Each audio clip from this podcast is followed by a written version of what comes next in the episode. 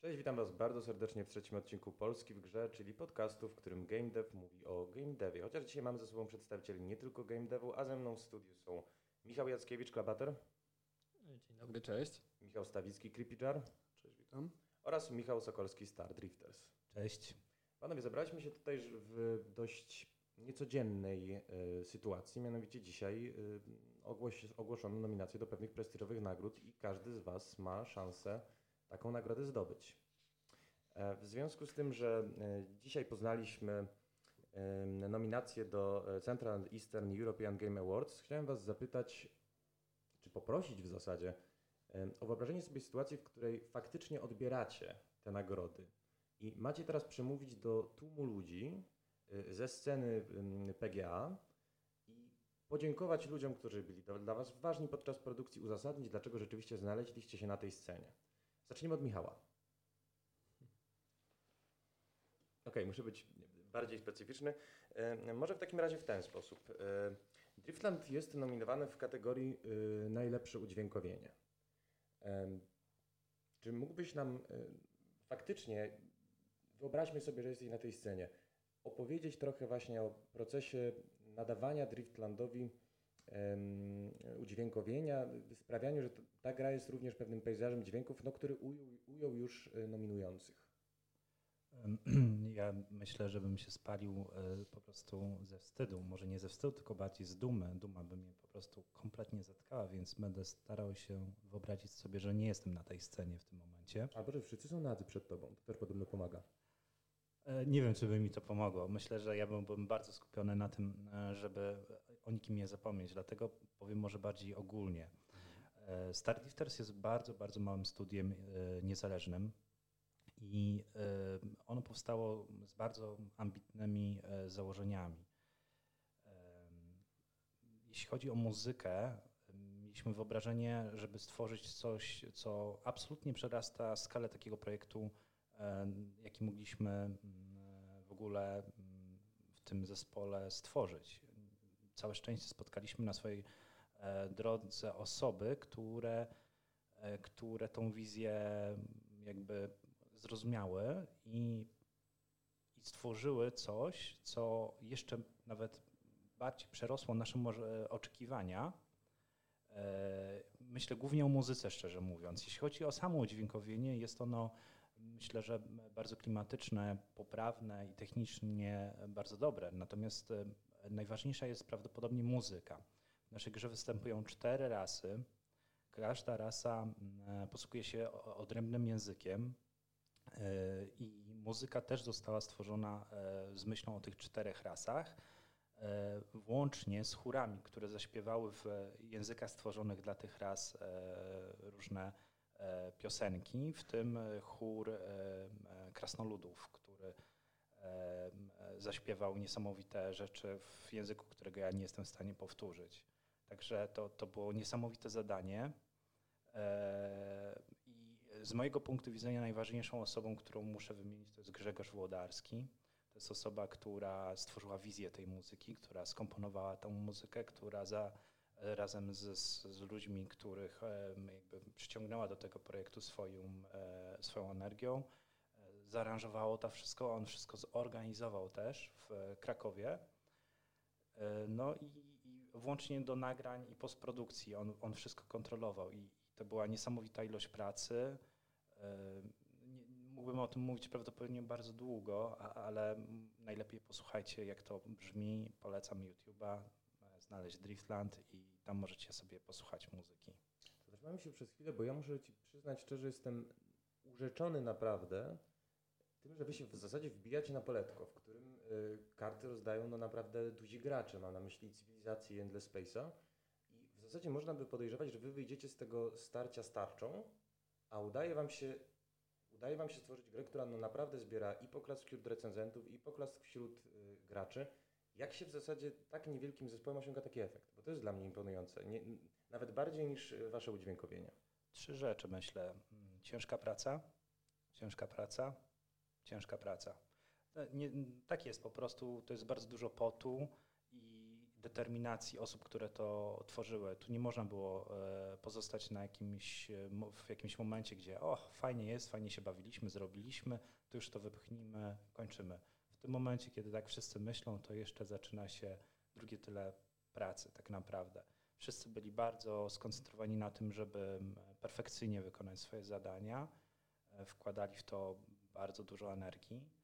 I tutaj, no nie wiem, niestety nie ma niesamowitego przepisu na sukces. Po prostu bardzo nam zależało, żeby zrobić grę, e, o której zawsze marzyliśmy.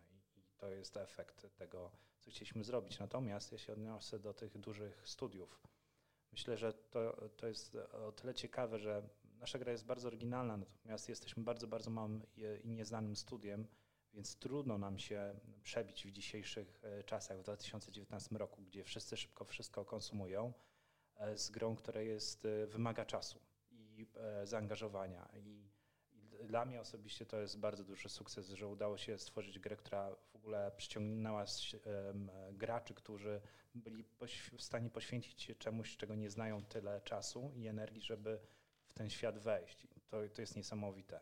Myślę, że jakbyśmy mieli dużą markę, byłoby nam dużo łatwiej przekonać graczy, żeby poświęcili ten czas.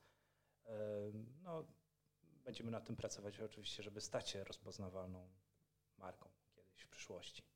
Ciężką pracę i bardzo dużo czasu włożyli w Green Hella również jego deweloperzy. No i z tej przyczyny chciałem zapytać e, Michała Stawickiego, przedstawiciela Creepiger, czy Creepiger, em, o nominację, jakie wy osiągnęliście, bo dostaliście szansę na dwie bardzo prestiżowe statuetki. Mam na myśli najlepszy projekt i najlepszą grę, także creme de la creme. Natomiast y, projekt przez ponad rok znajdował się w Early Accessie. Jestem bardzo ciekaw, może od tego zacznijmy. Ostatnio szafuje się takim dość modnym terminem Community Driven Development.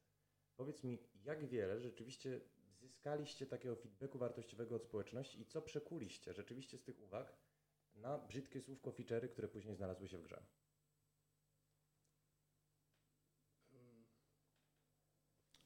Ogólnie rzecz biorąc mamy bardzo aktywne i rozbudowane community, więc ogólnie bardzo dobrze nam się z nimi współpracuje. E, Mamy cotygodniowe devchaty, gdzie rozmawiamy właśnie co, co najbardziej by chcieli, żebyśmy wprowadzili.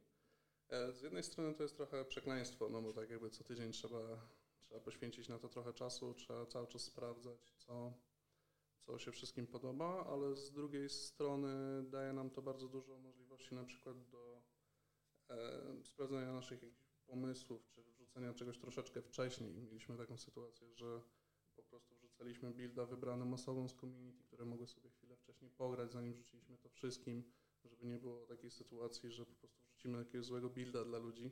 Więc to naprawdę dużo, dużo pomocy mieliśmy od community. Ale chyba największym problemem e, no jest to, że jednak niektórzy się bardzo szybko nakręcają na coś, jest coraz więcej danego głosu na, na, na przykład na Steamie w komentarzy, że coś by chcieli, Koopa coraz, coraz więcej osób, tak, no i w którymś momencie albo musimy się ugiąć, albo musimy powiedzieć, że no niestety nie pasuje to do naszej gry. E, tak jakby tworząc roadmapę na początku, jak wyszliśmy, zanim wyszliśmy z Early Accessu, mieliśmy roadmapę na rok czasu do wyjścia z Early Accessu, to znajdowały się tam zarówno nasze pomysły, które się pokrywały trochę z community, jak i wybrane pojedyncze rzeczy od, od community. Daj mi przykład. Najłatwiejszym przykładem będzie teraz, co teraz robimy. Mhm. Zaraz po, po, po wyjściu wydaliśmy chyba wczoraj mm, nową roadmapę z rzeczami na najbliższy rok. Inwestorzy wiedzieli wcześniej. E, No niestety czasami tak jest. No, tak musi być, jesteście na connect. tak musi, musi być. E, Ale gracze się cieszą, że dostali w końcu tą roadmapę, a w niej znalazły się dwie najbardziej requestowane przez nich rzeczy, czyli farming, czyli że będą mogli sobie sadzić, sadzić roślinki i je hodować, oraz upragniony koop. W końcu gdzieś tam pojawiają się pierwsze, pierwsze daty. Dobrze, też muszę przyznać, wyczekuję z zapartym tchem. Natomiast przejdźmy w takim razie do trzeciego Michała.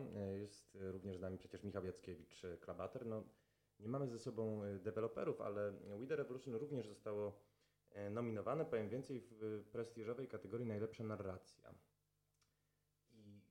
Mówiąc szczerze, było to dla mnie jedno z największych zaskoczeń od wielu, wielu miesięcy, kiedy zagrałem w We The Revolution, właśnie przez wzgląd na to, że to jest gra naprawdę znakomicie zre- zresearchowana. To znaczy, ja ci powiem, nawet e, ciekawostkę. Zacząłem sobie przeglądać e, stare wydania Kuriera Warszawskiego, żeby e, prześledzić procesy Ludwika, jak to tam wyglądało i dało się odczuć pewne kompromisy mm, względem historycznej akuratności na rzecz grywalności, co jest absolutnie zrozumiałe.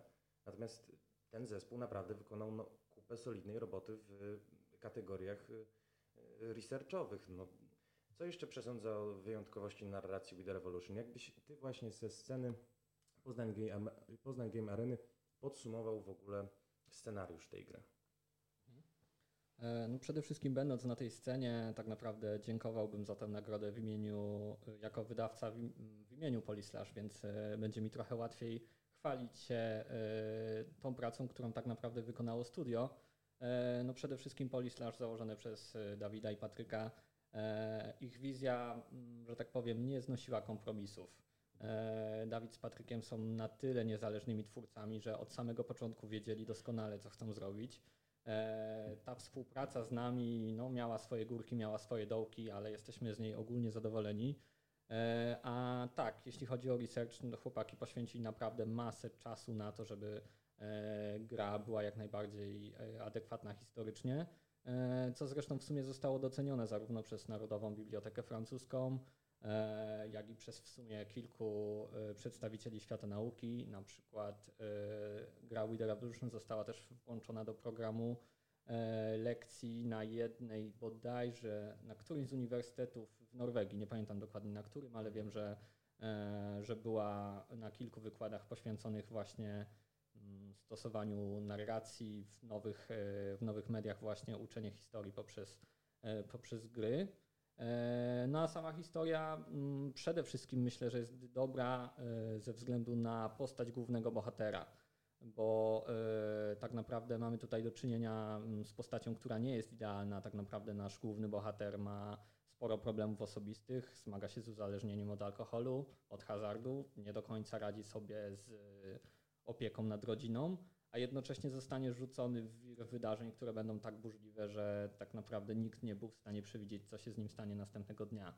E, więc myślę, że to właśnie ta bezkompromisowość chłopaków z Poli Slash plus dokładny research pozwoliło nam e, im tym momencie dostać właśnie nagrodę za, no, no, przepraszam, nominację Jeszcze. jeszcze e, za najlepszą warstwę narracyjną.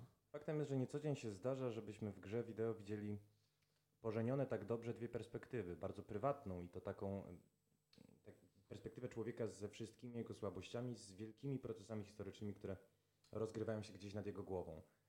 Natomiast chciałem zapytać Cię jeszcze, bo faktycznie masz unikalną perspektywę, jesteś, jesteś e, przedstawicielem wydawcy. E, Jak Wam się układała współpraca? To znaczy, czy uczestniczyliście jakoś w decyzjach kreatywnych?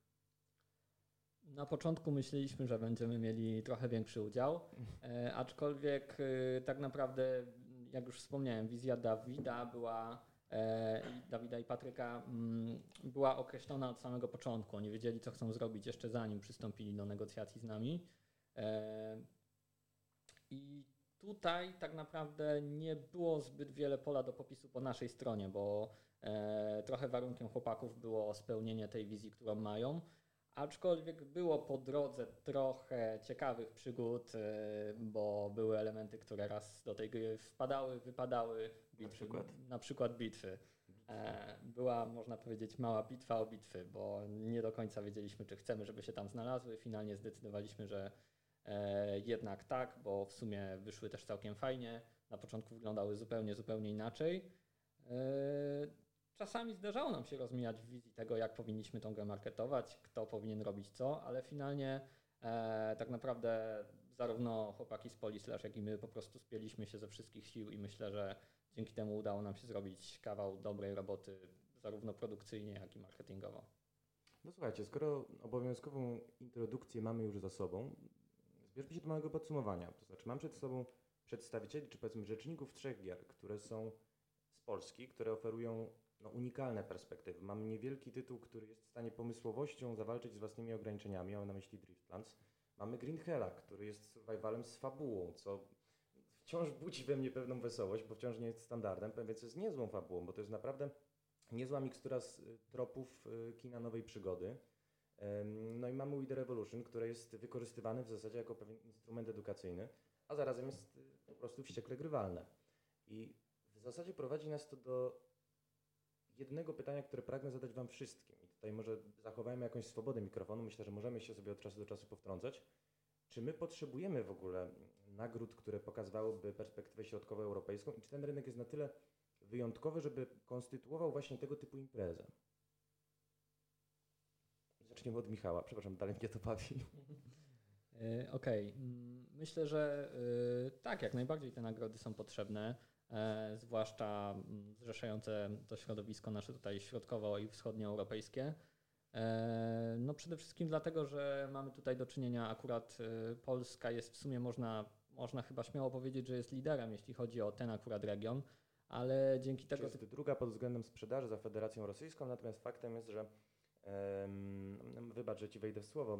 Teraz właśnie kapituła nagród ujawniła, że około 4000, ym, ym, przepraszam, że w Europie Środkowo-Wschodniej działa ponad 1000 studiów tworzących gry wideo, które zatrudniają ponad 25 tysięcy osób, a w raporcie Krakowskiego Parku Technologicznego z 2017 roku, no już tych firm, y, firm w Polsce samej mieliśmy y, jeżeli mnie nie myli pamięć, y, 330. Teraz już pewnie dobijamy do 400, no bo to też ogłaszano dwa lata temu. Także rzeczywiście możemy mówić o, o jakimś boomie na polskie gry, o czym wszyscy intuicyjnie wiemy, ale twarde statystyki też są po naszej stronie.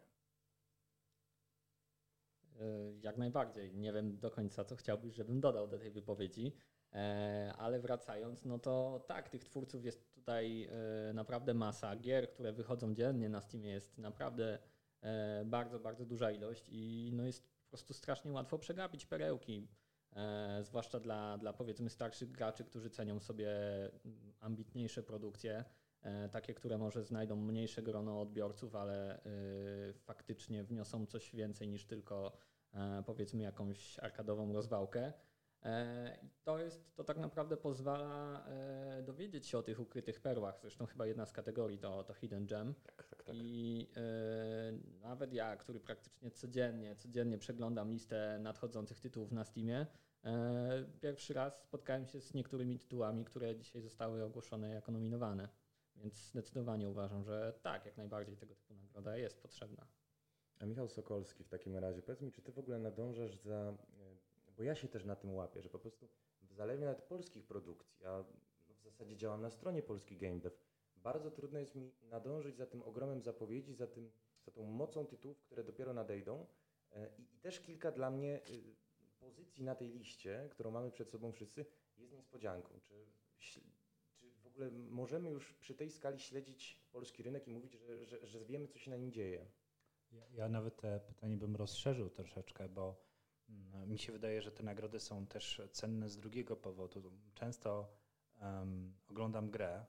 Tak naprawdę gry nie znają granic. W tym momencie to Mhm. jest, em, jesteśmy, myślę, jeśli chodzi o, o tą część Europy, produkujemy rzeczy, które e, absolutnie wyglądają jak topowe produkcje z każdego innego regionu e, świata. I e, te nagrody dla mnie są też cenne dlatego, że często nie mam, ja nie mam osobiście świadomości, że jakaś gra, którą się fascynowałem, inter, zainteresowała mnie, ona została wyprodukowana tutaj za, za miedzą dosłownie, albo wręcz w Polsce. I także my mieliśmy wiele ciekawych i śmiesznych sytuacji, kiedy Polacy e, dziwili się, że Driftland jest polską grą. I to, to było niesamowite. Kiedy na przykład ktoś nam zadawał pytanie po angielsku, toczył się dialog, po czym się okazywało, że e, w sumie mówimy po polsku, bo jesteśmy z Polski i, i, i to jest ta druga rzecz. Natomiast jeśli chodzi o śledzenie tych produkcji, patrząc na ostatnie targi w Kolonii, e, rok do roku polskich produkcji jest pokazywanych coraz więcej, więc 72 ja, w tym roku. tak, ja, ja nie dziwię się tobie, że czuję się troszeczkę zagubiony. Szczerze mówiąc, no, czas nie jest z gumy i ja, ja staram się też śledzić e, wszystkie produkcje, nie tylko polskie i, i, szczerze mówiąc czuję się tym troszeczkę przytłoczony obecnie. Tym bardziej uważam, że właśnie te nagrody są tutaj cenne, dlatego że też to jest taki spotlight na pewne e, miejsca, gdzie nie, nie, nie zawsze dociera światło, które powinno tam dotrzeć. Także ja jestem ogólnie bardzo zadowolony. Mam nadzieję, że, że te nagrody troszeczkę pomogą nam w, w pokazaniu tego, co się dzieje w naszym e, regionie. I uważam, że to jest bardzo, bardzo dobra inicjatywa i bardzo cenna, dlatego że naprawdę w, przy tej obecnej globalizacji bardzo fajnie jest zobaczyć, że takie niesamowite rzeczy są tworzone gdzieś e, u nas albo koło nas. Myślę, że wielu, wiele osób, większość osób nie ma takiej świadomości nawet.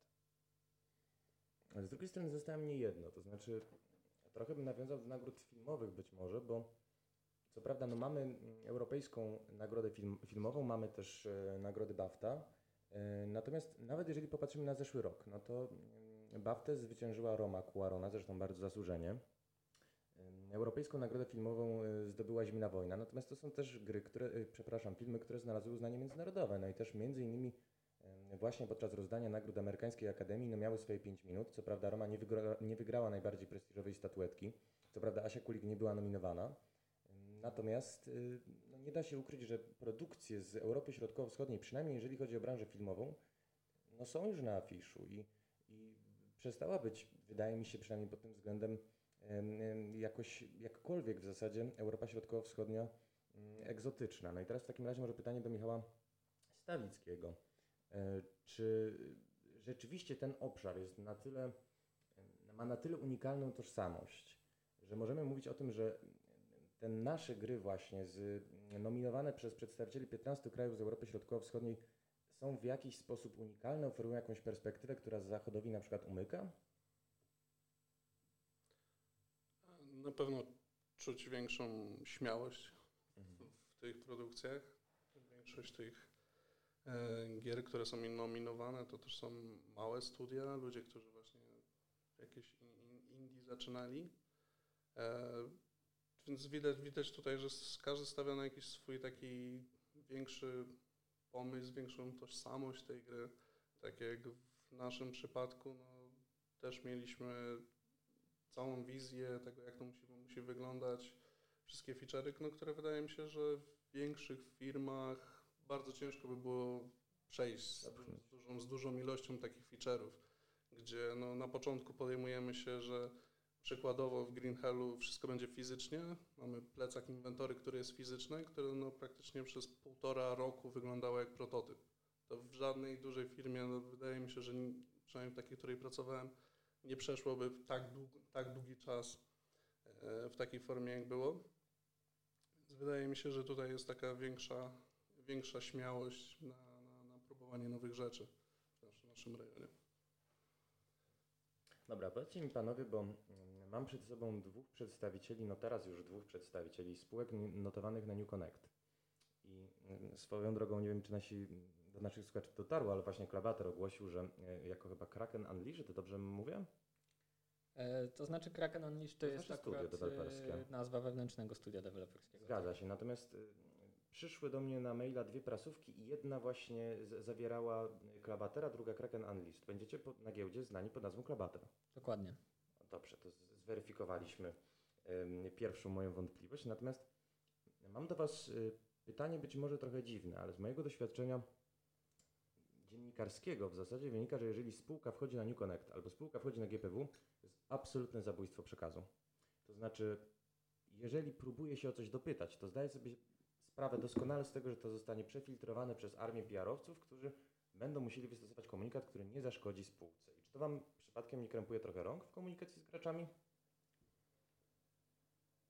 Cóż, myślę, że na pewno trzeba być e, bardzo uważnym w tym, co się mówi. E, zwłaszcza mm, trzeba być ostrożnym przed sytuacjami, gdy przypadkiem może zdarzyć się chlapnąć coś, co nie dotarło jeszcze do inwestorów. Więc tak, no, sytuacja się, nie chcę powiedzieć, że komplikuje, ale na pewno zmienia. E, aczkolwiek moim zdaniem no, te wymagania w którymś momencie, gdy już się do nich przyzwyczaisz, zaczynasz je traktować raczej automatycznie. No, my jeszcze nie zdążyliśmy się do nich przyzwyczaić, bo dopiero wczoraj dowiedzieliśmy się e, o tym, że faktycznie ten proces już prawie udało się doprowadzić do końca i niebawem faktycznie będziemy już spółką notowaną na New Connect. E, no niemniej e, wydaje mi się, że tak naprawdę tak czy siak firmy powinny się dokładnie zastanowić przed puszczeniem jakiegokolwiek komunikatu, więc czy aż tak bardzo się to zmienia? W zależności, wydaje mi się, że nie do końca. Na pewno trzeba bardziej uważać, ale e, tak czy siak trzeba mieć na uwadze dobro projektu i przekaz, który chcemy faktycznie puścić w media. No i pamiętać, że jednak inwestorzy muszą znać go trochę wcześniej. A Michał Stawicki, jakie ty masz doświadczenia? Bo szczerze mówiąc, Creepy Jar dla mnie to jest w ogóle sięgnął po jakiegoś świętego grala, bo ja jako osoba, która właśnie przegląda aktualizacje, czuję się dopieszczony jako gracz. Mam świadomość, że rzeczywiście dbacie o ten projekt, że też dbacie o moje oczekiwania i moje potrzeby, a całkiem nieźle sobie na tej giełdzie radzicie. I też potraficie formułować komunikaty, które są no miłe uchu, tak sobie przynajmniej wyobrażam, waszych akcjonariuszy. Znaczy, wydaje mi się, że naszym takim założeniem głównym było, żeby skupić się bardziej na graczach, bardziej na dobrym produkcie, niż e, tworzyć jakieś wymyślne komunikaty giełdowe, tylko po to, żeby tam podbijać numerki. I wydaje mi się, że jak od tego sobie wyszliśmy na początku, żeby być no, dla graczy, e, wyjaśniać im sytuację, co robimy, kiedy, gdzie, dlaczego, no to też się od razu przekłada na giełdę, że tak naprawdę jest jasna sytuacja, tak, bo wszyscy wiedzą, co robimy, dlaczego, kiedy to będzie. No teraz już widzimy też trochę, jak ta giełda czasami reaguje na jakieś rzeczy, więc trochę bardziej myślimy nad każdym zdaniem, które gdzieś tam jest publikowane, bo no często się okazuje, że nie wiem, ktoś właśnie, nie wiem, powie jakiś wywiad i nie powie czegoś, na przykład, że o, gdzieś tam zapowiedzieliśmy coś tam, ale w wywiadzie, nie wiem, będzie opowiadał, opowiadał, ale w końcu nie powie na przykład o jednej z konsoli czy coś i później się gdzieś tam zaczyna jakaś panika i, i tego typu rzeczy, więc to jest, no jest to jakaś tam dodatkowa cegiełka, o której zawsze trzeba myśleć przy, po prostu przy każdym, przy każdym tam wystąpieniu publicznym, czy, czy nawet gdzieś tam jak odpisujemy graczami, graczom. No dobrze, a Michał Sokolski, powiedz mi, kiedy wy zatańczycie na giełdowym parkiecie? Ja już tam byłem, dlatego że byłem w zarządzie CI Games, kiedy wchodziło na giełdę. To była pierwsza polska spółka na giełdzie w ogóle. Także, także w 2007 roku byłem e, na GPW e, i odbierałem tą giełdową i dzwonek się uderzało. Także Wiedziałem o tym, bo cię zresearchowałem. no to widocznie nie, nie zauważyłeś, że jestem aż tak stary i trzeba się zagłębić w prehistorię. Także tak, byłem, byłem, e, byłem na giełdzie i to nie jest jedyna spółka, gdzie gdzie byłem zaangażowany giełdowo, dlatego że nawet obecnie, no wcześniej byłem w Radzie Nadzorczej, obecnie jestem, zostałem tylko akcjonariuszem, dlatego że nie chcę się angażować operacyjnie w żaden sposób. Ale staram się wspierać i pomagać. E, One More Level to też jest spółka, Mhm. gdzie, gdzie jako nie wiem, pewnego rodzaju anioł biznesu na początku sobie zainwestowaliśmy ze wspólnikiem i powoli tutaj podlewamy konewką. No, Staramy się temu studiu troszeczkę pomóc, aczkolwiek oni dobili już do takiego poziomu, że po pierwsze już są też na e, New Connectie, a po drugie e, już prawdopodobnie nie wymagają od nas jakiejś pomocy i asysty. Dlatego jeśli chodzi o obowiązki inf- informacyjne, mogę potwierdzić wszystko to, co powiedzieli koledzy, aczkolwiek e, tylko dodam, że e, żeby się nie przejmować tym, dlatego że kiedyś było dużo, dużo gorzej, dlatego że nikt nie wiedział, mm, e, nikt na giełdzie nie wiedział, e, jak traktować naszą branżę. Wtedy naprawdę dużo ciekawych rzeczy i śmiesznych się działo, i strasznych, e, związanych z, z, z komunikacją z inwestorami, dlatego że oni, oni na przykład na początku w ogóle nie wiadomo było do jakiego działu na giełdzie nas zakwalifikować. My byliśmy albo IT, albo mediami, e, różne wskaźniki e, analizowano z punktu widzenia tych dwóch grup spółek notowanych na giełdzie. Natomiast okazało się, całe szczęście później, że nasza branża kieruje się troszeczkę, działa trochę inny sposób. Przychody są e, inaczej rozłożone w czasie, inwestycje inaczej wyglądają, więc e, no to był długi proces, żeby inwestorów i prasę branżową nauczyć, czym jest e, game dev. Później parę innych spółek się pojawiło, między innymi Projekt, odwrotnym przejęciem i, już zaczęło się to wszystko normować. No i New Connect, już wtedy istniał New Connect, natomiast na nim nie było żadnych spółek z naszej branży. Nie pamiętam, która była pierwsza, może Blober, a może nie wiem, któraś z tych pewnie.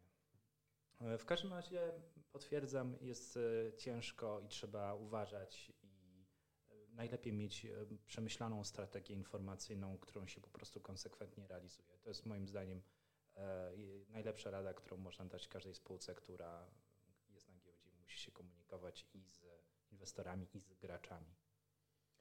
No dobrze, temat za nami bardzo trudny, bo jak się komunikować z giełdą, jak się komunikować z graczami. Natomiast w takim razie może dla rozluźnienia trochę popuśćmy wodze fantazji i też oddajmy się takim snuciu, snuciu planów bardziej dalekosiężnych.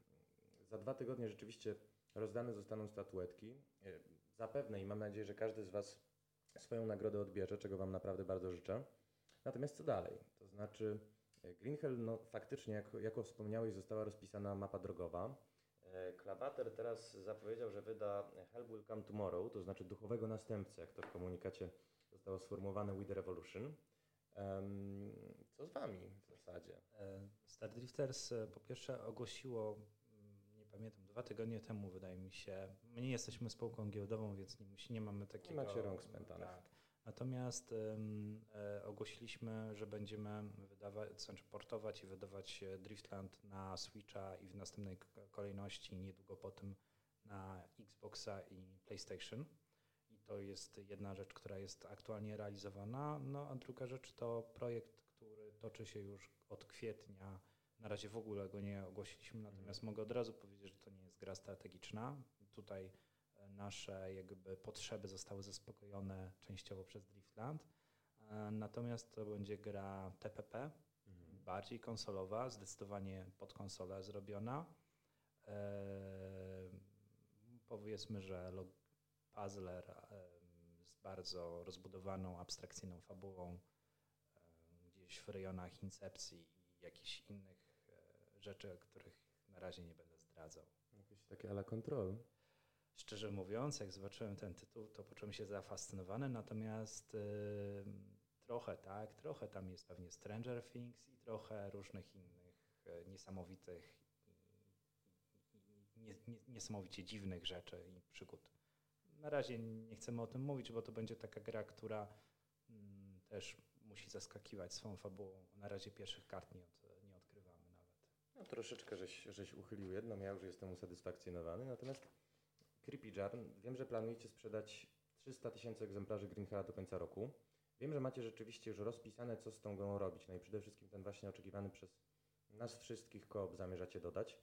No ale co potem? Jaki będzie kolejny projekt? Czym byście się chcieli zająć? No, tutaj właśnie zaczyna się temat giełdowy z powrotem, czyli no, gdzieś tam myślimy o następnym projekcie, ale oczywiście nic, nic nie możemy na razie o nim mówić. E, Coś, coś przecieka, przeciekasz, słuchaj, z tymi informacjami. tak, więcej nie mogę powiedzieć. informacji. Wyciek informacji. No dobrze, a Klabater sobie zbudował przez te kilka lat naprawdę no, portfolio, które już, nas, już nam coś o tym wydawcy mówi, ale jakich twórców zamierzacie przyciągać, jak zamierzacie tę bazę rozszerzać i czego w zasadzie możemy od Was oczekiwać w kolejnych latach? E, Cóż, tak naprawdę w Klabaterze wiemy, co będziemy robić praktycznie do końca 2022 roku. No to dawaj. E, Zaczęliśmy rozmawiać o We The Revolution, więc tutaj myślę, że mogę powiedzieć tyle, że jeszcze coś o tej grze usłyszycie, jak tylko usłyszą to inwestorzy. Mhm. Mamy już ogłoszone produkcje, czyli to, którą wspomniałeś, Help Will Come Tomorrow. E, Robimy, jesteśmy też wydawcą sequela do Skyhilla, więc Mhm. Skyhill Black Mist również jest już zapowiedziany.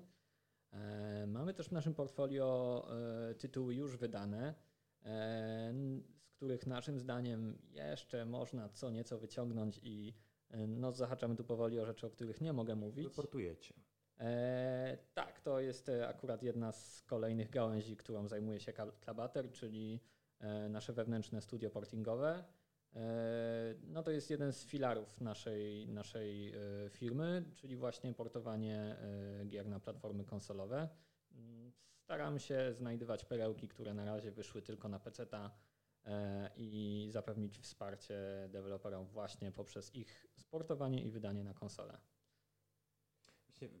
Zauważam, że w zasadzie coraz więcej y, powstaje w ogóle firm, które się zajmuje profesjonalnie w zasadzie portowaniem, ewentualnie jakiś taki spin-off działalności, jak o, Drew Distance dzisiaj ogłosiło, że będzie y, portować na Switcha, jeżeli się nie mylę, jakiś horror?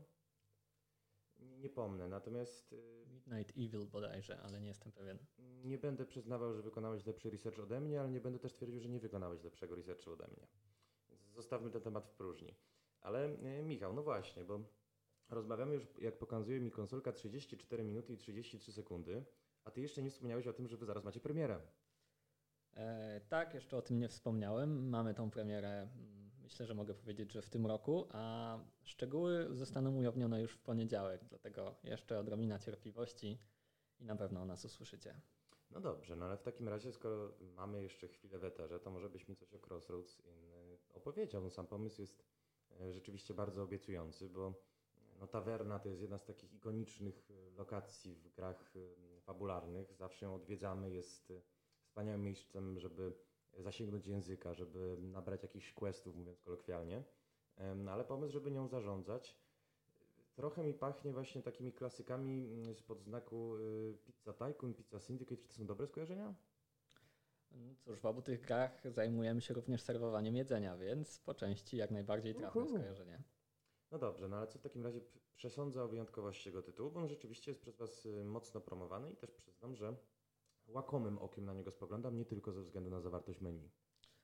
Y, Cóż, no nie będziemy ukrywać, że y, jest to dla nas najważniejsza premiera drugiej połowy roku. Y, No mamy szczególny sentyment do tej gry przede wszystkim dlatego, że to jest nasza pierwsza gra, którą samodzielnie dewelopujemy. Y, Więc mieliśmy tutaj naprawdę szereg wyzwań po drodze. Y, Myślę, że drobną ciekawostką tutaj jest fakt, że nie korzystamy z tych znanych silników, a gra powstaje na silniku Essentel, więc było to dosyć spore wyzwanie. E, Sama gra, tak, jakby pozwalać się mm, skupić, wczuć w rolę właśnie właściciela karczmy. E, Początkowo gra miała być tylko zasadniczo skupiona na samym zarządzaniu, na powiedzmy trybie sandboxowym, aczkolwiek w trakcie produkcji postanowiliśmy dołożyć, dołożyć tam również e, wątek fabularny, także będziemy mieli zarówno kampanię fabularną, jak i ten tryb swobodny.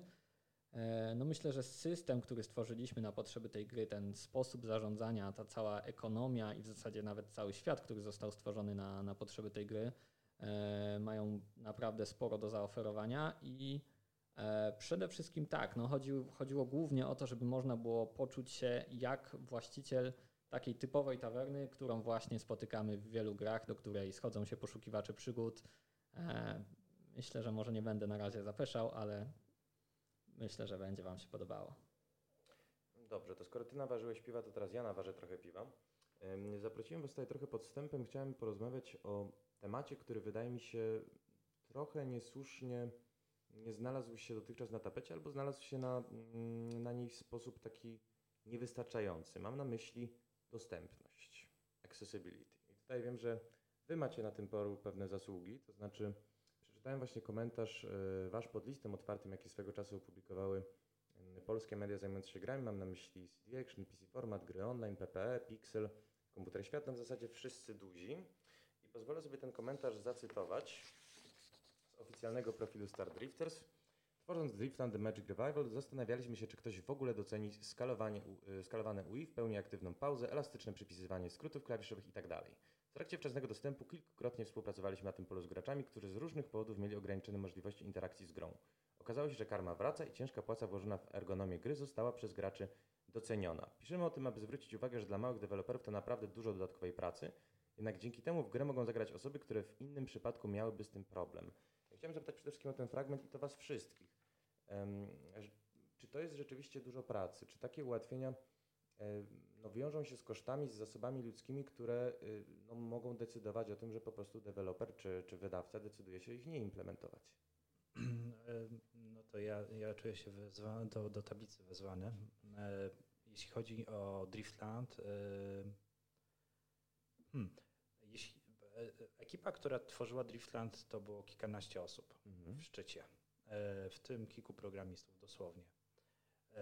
Podobnie jak CreepyR byliśmy w wczesnym dostępie i mieliśmy bardzo, bardzo żywy kontakt z graczami.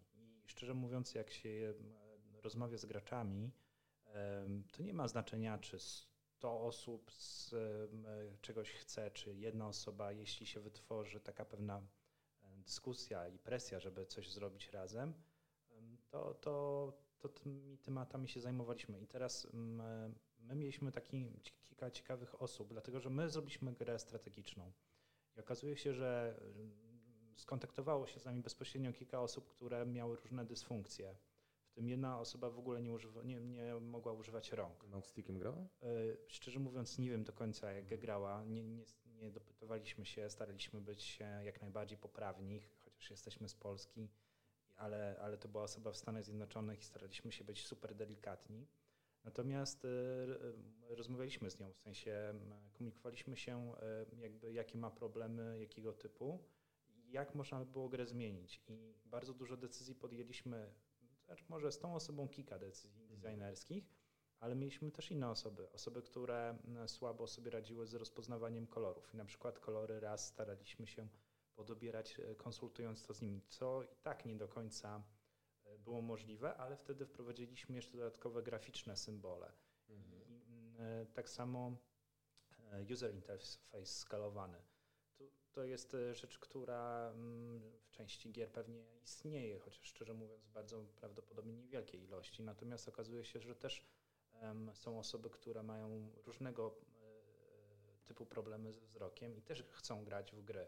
Pewnie. I, i, I współpracując z tymi ludźmi, nie wiem ile ich wszystkich tych osób było, o których mówię, pewnie kilkanaście przez te mm, kilkanaście miesięcy, które, w którym byliśmy w wczesnym dostępie, zebrali, e, na bieżąco dodawaliśmy e, cechy gry, które e, um, im, tym konkretnie osobom umożliwiały tą grę. Natomiast szczerze mówiąc, jeśli chodzi o docenienie tego, to my mieliśmy ogromną satysfakcję, bo bo to była, był żywy kontakt i była bardzo duża satysfakcja i gratyfikacja po drugiej stronie. Osoby bardzo, bardzo entuzjastycznie mm, dziękowały i jakby cieszyły się, że mogą uczestniczyć w produkcji naszej gry. Natomiast jeśli chodzi o inne graczy, czy, czy prasę, czy kogokolwiek, to nikogo to nie interesuje. E, Może ten skalowany user interface to była rzecz, która, którą tam osoby z jakimiś nietypowymi monitorami mogły docenić. Mm, Może, nie wiem, skróty klawiszowe, mamy je bardzo, bardzo zaawansowane w naszej grze. One są dynamicznie przydzielane. W trakcie gry można sobie e, to zmieniać. To nie jest tak, że trzeba w jakimś menu konfiguracyjnym to robić. Kolejna rzecz e, to mm, aktywna pauza. Oczywiście aktywna pauza w grach strategicznych to jest normalna rzecz i tego chcieli też gracze, ale jak już e, ją robiliśmy, to postanowiliśmy, że właśnie wtedy akurat r- rozmawialiśmy z graczami z jakimiś e, dysfunkcjami, e, e, rozszerzyć ją, tą aktywną pauzę o maksymalną ilość e, możliwości, których my nie widzieliśmy w innych grach, a tak naprawdę, które pozwalają graczom w ogóle grać bez przesuwania czasu do przodu jakby. Czyli w aktywnej pauzie, w grze czasu rzeczywistego można sobie wszystko, jakby ruchy wszystkie zaplanować do przodu, powoli w dowolnym tempie, a później ten czas puścić też z dowolną prędkością, tam jedną z trzech do wyboru. I szczerze mówiąc, to tylko jest czubek góry lodowej, bo takich różnych cech wprowadzaliśmy więcej. E, Natomiast to się raczej po kościach rozeszło. To znaczy, mie- mieliśmy kontakt i mamy kontakt z graczami, którzy, którzy mają problemy ewentualnie z grą i my je pomagamy rozwiązać, dodając kolejne cechy. Natomiast mm, nie ma takiej, mi się wydaje, że w Polsce, to by się przydało, u mnie w naszym regionie, nie ma takiej wrażliwości na osoby e, niepełnosprawne i z różnymi dysfunkcjami, które im uniemożliwiają granie. A często dla tych e, ludzi to jest jedna z takich rozgrywek, która pozwala im, pozwala im ćwiczyć mózg. Na przykład. y, Wręcz rekompensuje pewne, pewne sytuacje, no bo są ludzie, którzy nie wyjdą na wojsko, ale mogą pograć w FIFA. Ale właśnie ciekawie, że o tym wspomniałeś, aż musiałem sobie otworzyć kartę, bo rzeczywiście wydaje mi się, że w Polsce nie mamy takiego nawyku, żeby w ogóle zwracać uwagę też jako media y, na takie pozytywne przykłady działalności ze strony deweloperów, przede wszystkim mniejszych zespołów. Natomiast wydaje mi się, że Zachód już troszeczkę nadgania. To znaczy, kiedy deweloperzy Legend of Grimrock otrzymali właśnie taką informację od gracza posługującego się mousetickiem, że dobrze by było wprowadzić menu, z pomocą którego on by mógł na ekranie po prostu za pomocą kursora nawigować po tych podziemiach, no, y, fenomenalną uzyskali prasę. To znaczy napisało o tym y, Kotaku, napisał y, Destructoid, z kolei zaimpl- zaimplementowany w Celeste ym, Assist Mod trafił no, na łamy Poligona, Gamasutry, Eurogamera. Y, Sporo też y, dobrej, dobrego publicity.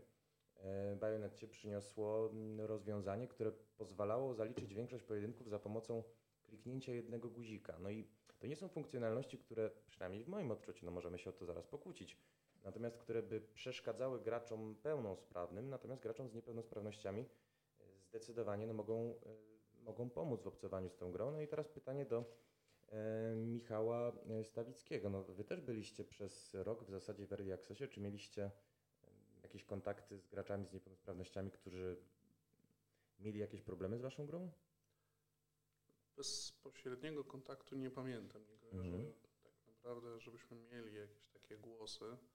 Też przy grach FPS, no to raczej te osoby dużej mierze no, nie startują jako, to, to jako, jako pierwszy ich wybór takiej gry, więc tutaj jakby jeszcze jak naszą gierkę tak jakby pokazujemy, że jest hardkorowa na wszystkich, wszystkich możliwych tych, ale mieliśmy dużo głosu, że jest trochę zatrudnień, trochę ludzi chciałoby sobie po prostu pochodzić po naszej Mhm. dżungli, bo uważają, że jest bardzo ładna i po prostu czu, czują się tam dobrze, ale jakieś tam rzeczy ich, ich nękały.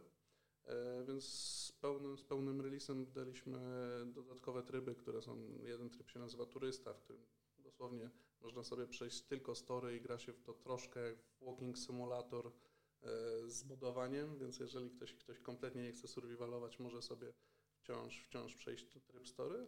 No i tryb custom, w którym można sobie wszystko pozmieniać, właśnie ktoś się, nie wiem, boi pająków na przykład. No, o to chyba najczęściej takie pojawiały się. Serio? Pojawiały się takie właśnie na, na Steamie komentarze, że ktoś ma, ma fobię i bardzo prosi, żeby mógł, móc wyłączyć pająki, bo się boi, boi chodzić po prostu po dżungli przez to.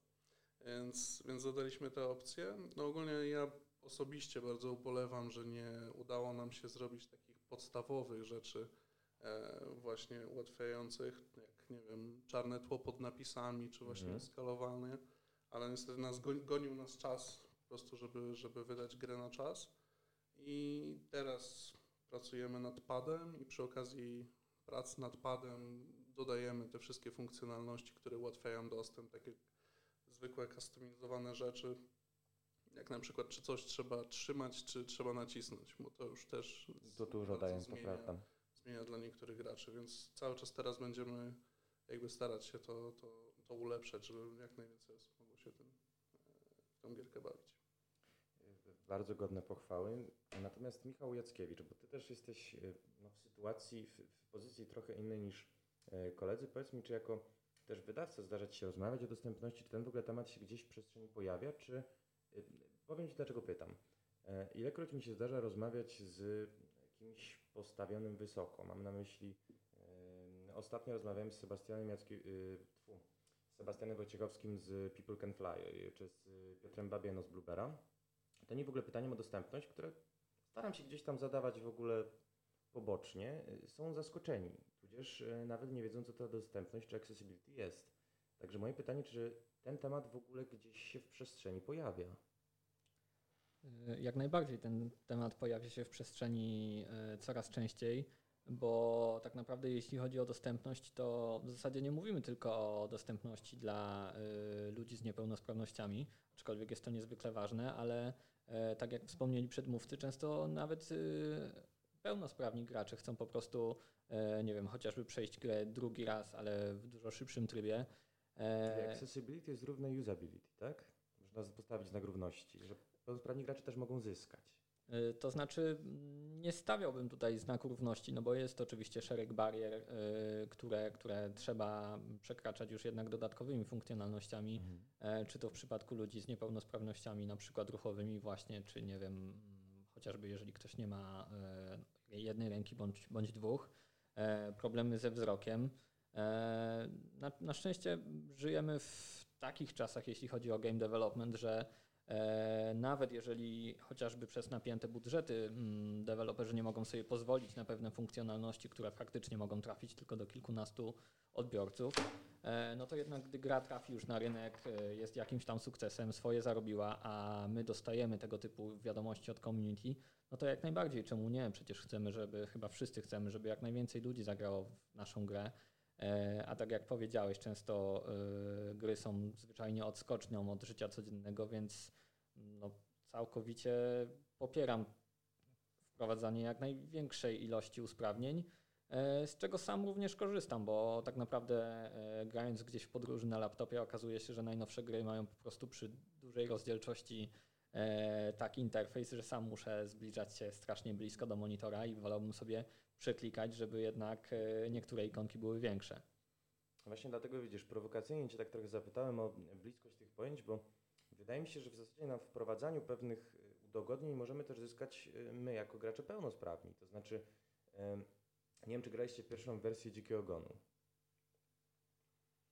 No dobrze, powiem od razu do czego piję w takim razie, bo się ty tajemniczo uśmiechasz, Michale.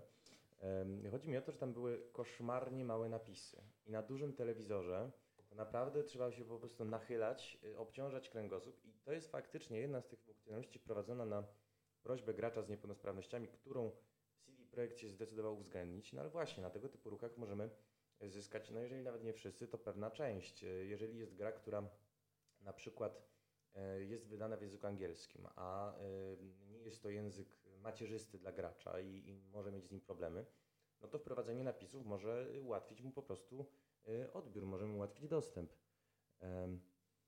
No dobrze, panowie, ale ponieważ was troszkę też przemaglowałem w, w temacie accessibility i pomalutku musimy się zbierać do zakończenia, powiedzcie mi, e, kogo, bo musimy jakąś klamrę kompozycyjną zaliczyć, kogo typujecie?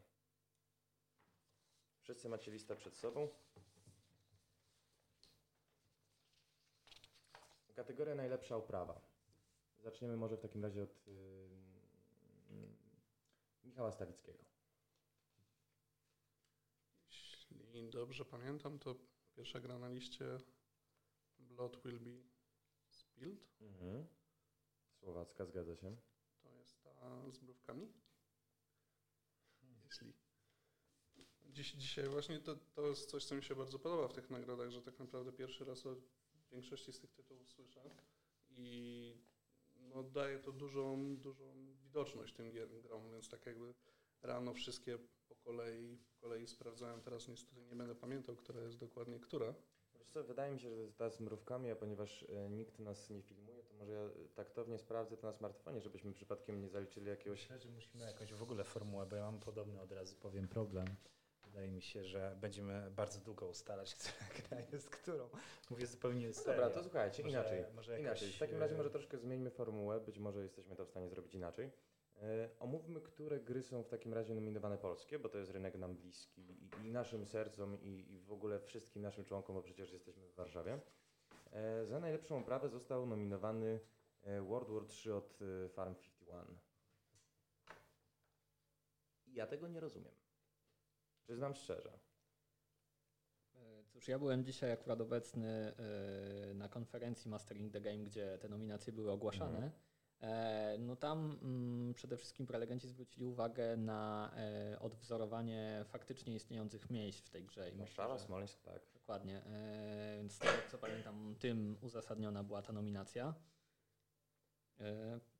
No, to tyle, co wiem. Nie, okej, to jakby na, naświetliłeś mi nową jakość, bo ja cały czas widziałem i ta gra też się tak prezentowała w opozycji do tych nowożytnych Battlefieldów, to znaczy jedynki i piątki, jako taki shooter bardziej konserwatywny, bardziej unurzany w tych szarościach, w tych czerniach i e, no ja właśnie pamiętam ją, że jako taką niezbyt może wizualnie zajmującą, ale rzeczywiście no, muszę przyznać, że chłopaki włożyli wysiłek. Zresztą Farm 51 jest przecież znany z tego, że potrafi przedstawić jakiś obszar realnie istniejący, że tylko zonę czarnobylską przypomnę chociażby, e, czy ten szpital psychiatryczny w Get też przecież, który, który zaistniał.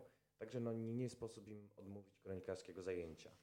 No ale przechodząc dalej, e, w kategorii najlepsze udźwiękowienie jest e, Driftland nominowany. Już tłumaczyliśmy, dlaczego powinien tę nagrodę dostać i oczywiście... Ja tylko może wspomnę, bo w sumie tego nie miałem okazji powiedzieć tutaj jeszcze, bo ja, ja dałem Grześka jako Mhm. tą osobę najważniejszą, natomiast tych osób było bardzo dużo, bo, bo zaśpiewać te kwestie w tym uczestniczył między innymi na przykład chór cały, szef Mhm. się nazywa E, i, i jako jeszcze jesteśmy indie, to nie mieliśmy pieniędzy, żeby robić na przykład próby w jakichś salach koncertowych, więc to były próby robione po mieszkaniach, gdzie kilkanaście osób sobie śpiewało.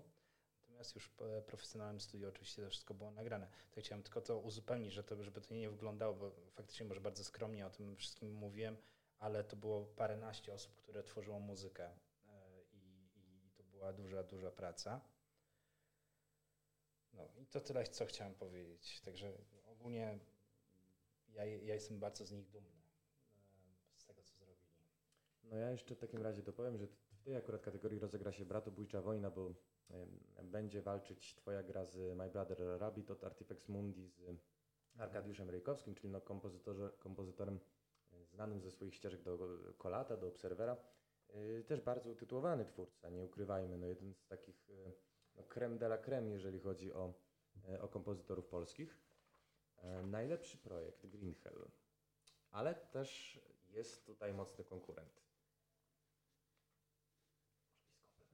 Konkurenta, żeby być na takiego bardzo skromnego i Damy radę. Bo to wiesz, musimy, stary, musimy jak przy Oscarach prowadzić kampanię promocyjną. To znaczy, nie wiem, czy pamiętasz, jak Nędzników promowała, kto grał w Nędznikach główną rolę?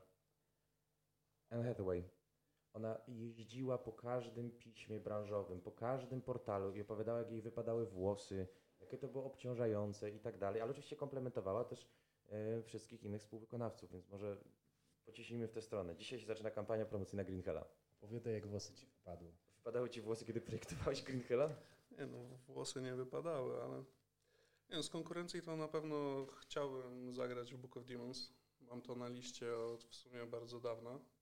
E, tak samo Driftlancy w zasadzie. To cały czas czekałem, aż, aż, aż będzie, będzie pełna. Więc no, nie zdziwiłbym się, gdyby Book of Demons coś tutaj wygrało. No nie, wstyd przegrać. Bo Nawet bardzo bym się cieszył. Mają bardzo ciekawe, no coś nowego na pewno to jest.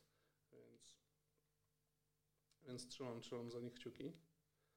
E, no i co tu więcej dodać? No, piękny pro, y, pierwszy krok ku zostaniu Anne Hathaway. Y, pomnisz te słowa za dwa tygodnie. Y, najlepsza narracja. No i to nam się troszeczkę, przynajmniej jeżeli chodzi o budżety produkcyjne, szykuje pojedynek Dawida z Goliatem, bo z We The Revolution będzie rywalizować Wojna Krwi, oparta na bardzo nośnym wiedźmińskim cyklu. Dlaczego We The Revolution powinno zwyciężyć? Trudne pytanie, e, bo e, Wojna Krwi Wiedźmińskie opowieści to całkiem dobrze narracyjnie zrobiona gra. Przede Prawda. wszystkim e, no dosyć e, odbiega już od tego, co znamy z twórczości Sapkowskiego, e, więc pozwala na, poz, deweloperzy pozwolili sobie na trochę większą fantazję. E, Aczkolwiek myślę, że na nagrodę zasługuje dlatego, że nad grą We The Revolution nie pracował taki sztab ludzi jak e, zdecydowanie na pewno przy Wiedźminie, a jednak tak małym zespołem potrafili stworzyć historię, która no, jest naprawdę angażująca. E, Przede wszystkim też myślę, że tutaj właśnie ta wspomniana już wcześniej bezkompromisowość stawia e, tą grę na pozycji powiedzmy to mocnego mm, gdzieś tam być może lidera. E, Trochę nawet my właśnie jako wydawca mieliśmy trochę obawy, czy jej delikatnie nie ocenzurować, bo jeżeli się w nią zagłębicie, to tam niektóre sprawy bywają naprawdę hardkorowe, także wybory moralne, przed którymi przychodzi nam stawać, e, są, no, że tak delikatnie powiem, bywają kontrowersyjne. Aczkolwiek e, nie grałem w pozostałe dwie produkcje tutaj na liście Blood Will Be Spilled ani Murder in the Alps, więc ciężko mi powiedzieć, bo nie znam tych produkcji. Rozumiem, bardzo dyplomatycznie. W takim razie dopowiem, bo akurat za We The Revolution mogę to chyba trochę polobbować, e, że jeżeli mówisz o wyborach moralnych, bo to jest taki, taki slogan, tym się po prostu miota na lewo i prawo w prasówkach i, i trochę już e, sam jestem zmęczony czytając o głębokich wyborach moralnych, które wpłyną na historię, e, że We The Revolution mnie zaskoczyło czym innym. To znaczy, to nie jest tak, że tych wyborów moralnych jest, e, nie wiem, nieskończona liczba, czy że one mnie tutaj przerażają swoją skalą i doniosłością. Czasem jest wprost przeciwnie. To znaczy, e, ja pamiętam sytuację, kiedy w ogóle pierwszy raz się z tą grą zetknąłem i e, jeszcze na etapie jakiej, jakiejś niepublicznej bety, e, że w zasadzie starałem się każde, każdą z rozpraw realizować zgodnie z własnym kompasem moralnym. I to jest gra, która mi tę igłę kompasu w pewnym momencie wygięła, bo ja się znalazłem już przy jakiejś trzeciej, czwartej sprawie w sytuacji, w której powinienem rozsądzić tę sprawę w zgodzie z własnym sumieniem, ale jeżeli bym ją tak rozsądził i, i tego niewinnego z człowieka uniewinnił, no to po prostu presja społeczeństwa, presja tych nastrojów, które na ulicach Paryża za, zaczęły brać górę, spowodowałaby, że sam bym trafił na szafot. I w tym momencie to dla mnie było takie właśnie niesamowicie odkrycie, że, niesamowite odkrycie, że wcale niewielka gra zmusza mnie do tego, żebym ja zrobił coś, czego wcale nie chcę i to pomimo tego, że powiem Ci, testowałem absolutnie każdy scenariusz, to znaczy wracałem do tej rozprawy raz za razem, żeby tylko wyjść na tarczy, nie dało się.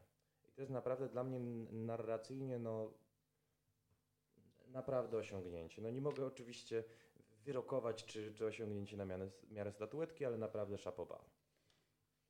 Dzięki. No ja tylko chciałbym jeszcze może dodać, że przede wszystkim wydaje mi się, że twórcom udało się zrealizować fakt, że e, wybory moralne, przed którymi stajesz, dotyczą moralności twojej postaci, o tej, o której już mówiłem, tej, która zmaga się z problemami rodzinnymi, z uzależnieniem od alkoholu, uzależnieniem od hazardu, więc wydaje mi się, że naprawdę fajnie twórcy przekazali to, że właśnie to nie do końca chodzi o sumienie gracza, a jednak gracza wcielającego się w postać tej konkretnej osoby. E, No a na marginesie, tak jak powiedziałeś, faktycznie czasami przychodzi nam podjąć decyzję, na przykład skazania kogoś, kto jest ewidentnie e, niewinny, no ale jednak już za bardzo sobie nagrabiliśmy wśród pewnych grup społecznych, więc jeżeli sami nie chcemy trafić na stryczek, to tak, ta moralność będzie trochę nagięta. Selawi, że pozwolę sobie w takim razie na odrobinę francuskiego. Panowie, ukryty diament. Czy ktoś z Was grał w Age of Civilizations 2? Ja. Grałeś? Ja grałem, tak. I e, powiem szczerze tak, pierwsza moja reakcja była o rany, co za tytuł. No bo Age of Civilizations to jest taki e, jakby zbitek... E, No już masz dwóch mocnych serii. tak, no nie chcę tego jakby sugerować, ale no tak, tak po prostu jak to zobaczyłem, myślałem wow. Robiła to jedna osoba, słuchajcie. To jest gra taka mm, bardzo abstrakcyjna, bo to jest strategia, natomiast bez dużej ilości grafiki. Natomiast to, co jest, jest estetyczne, e, sprawnie działa, ale moim zdaniem największym sukcesem tej gry jest to, że autor tyle, co obiecał, to ta gra dostarcza. Dlatego mm, nie, nie, nie śledziłem ocen tej gry, ale większość ludzi jest bardzo zadowolona z, e, z, jakby z tego, co dostaje. I, I szczerze mówiąc, to e, ja, ja pierwszy raz o tej grze usłyszałem, jak zobaczyłem ją na Steamie, bo wcześniej ona zdaje się funkcjonowała jako gra na komórki. Ja, ja, ja szczerze mówiąc to przegapiłem, tak jak już wcześniej się przyznałem, dużo rzeczy mi umyka. Zupełnie naturalnym. Wszyscy, na to, cierpimy, No i to było na tyle dużym dla mnie pozytywnym zaskoczeniem, że ja to pokazywałem wielu osobom, więc ta gra zrobiła na mnie wrażenie i absolutnie rozumiem, dlaczego znalazła się na tej liście w kategorii ukryty diament. Jeśli chodzi o resztę e, gier, to jeszcze ich nie odkryłem, szczerze mówiąc. Wiesz co, no ja ci powiem, że dla mnie dotychczas to też był ukryty diament, ale tak rekomendujesz, że no, trzeba sprawdzić. Em, panowie, no to w takim razie przechodzimy do kategorii najważniejszej, czyli do najlepszej gry. No i tutaj konkurencja jest mocna. Y, mamy białoruskie World of Warships Legends, no ale mamy też dwóch, dwa polskie zespoły. No, Michał jest jednego z nich e, reprezentantem, to znaczy no właśnie Green Hell albo Book of Demons może sięgnąć po laur. Wydaje mi się, że akurat w zeszłym roku sprawa była jasna i się trochę rozstrzygnęła w przedbiegach, bo w zeszłym roku statuetkę zgarnął Frostpunk, bardzo zasłużenie, zresztą kilka innych równie prestiżowych wyróżnień również, również udało mu się po nie sięgnąć. Natomiast e, w takim razie e, przedstawiciela Creepy Jar może, Jar może wyłączymy z dyskusji, ale pozostali panowie, no kto powinien według was sięgnąć po, po ten laur? Myślę, że tutaj walka przede wszystkim będzie między Book of Demons a Green Hell. E, Przede wszystkim wydaje mi się, że ze względu na dość świeże podejście obu produkcji do tematu. Tutaj Book of Demons, jeśli o to chodzi, jest e, absolutnie innowacyjny, e, ale jako fan gier survivalowych, takich, które właśnie mm, inaczej, jako fan gier survivalowych kibicuję Green Hell, jako fan gier e, z silną warstwą narracyjną również kibicuję Green Hell. Wydaje mi się, że Mordhau czy World of Warship wnoszą trochę za mało świeżości do tego, co tutaj mamy, no bo tak naprawdę No, chociaż no, to też są y, bardzo przyzwoite tytuły. Oczywiście. e, prawdopodobnie na Steamie najwięcej godzin właśnie przegranych będą mieli gracze tych ostatnich produkcji, czyli Mordhau czy World of Warships.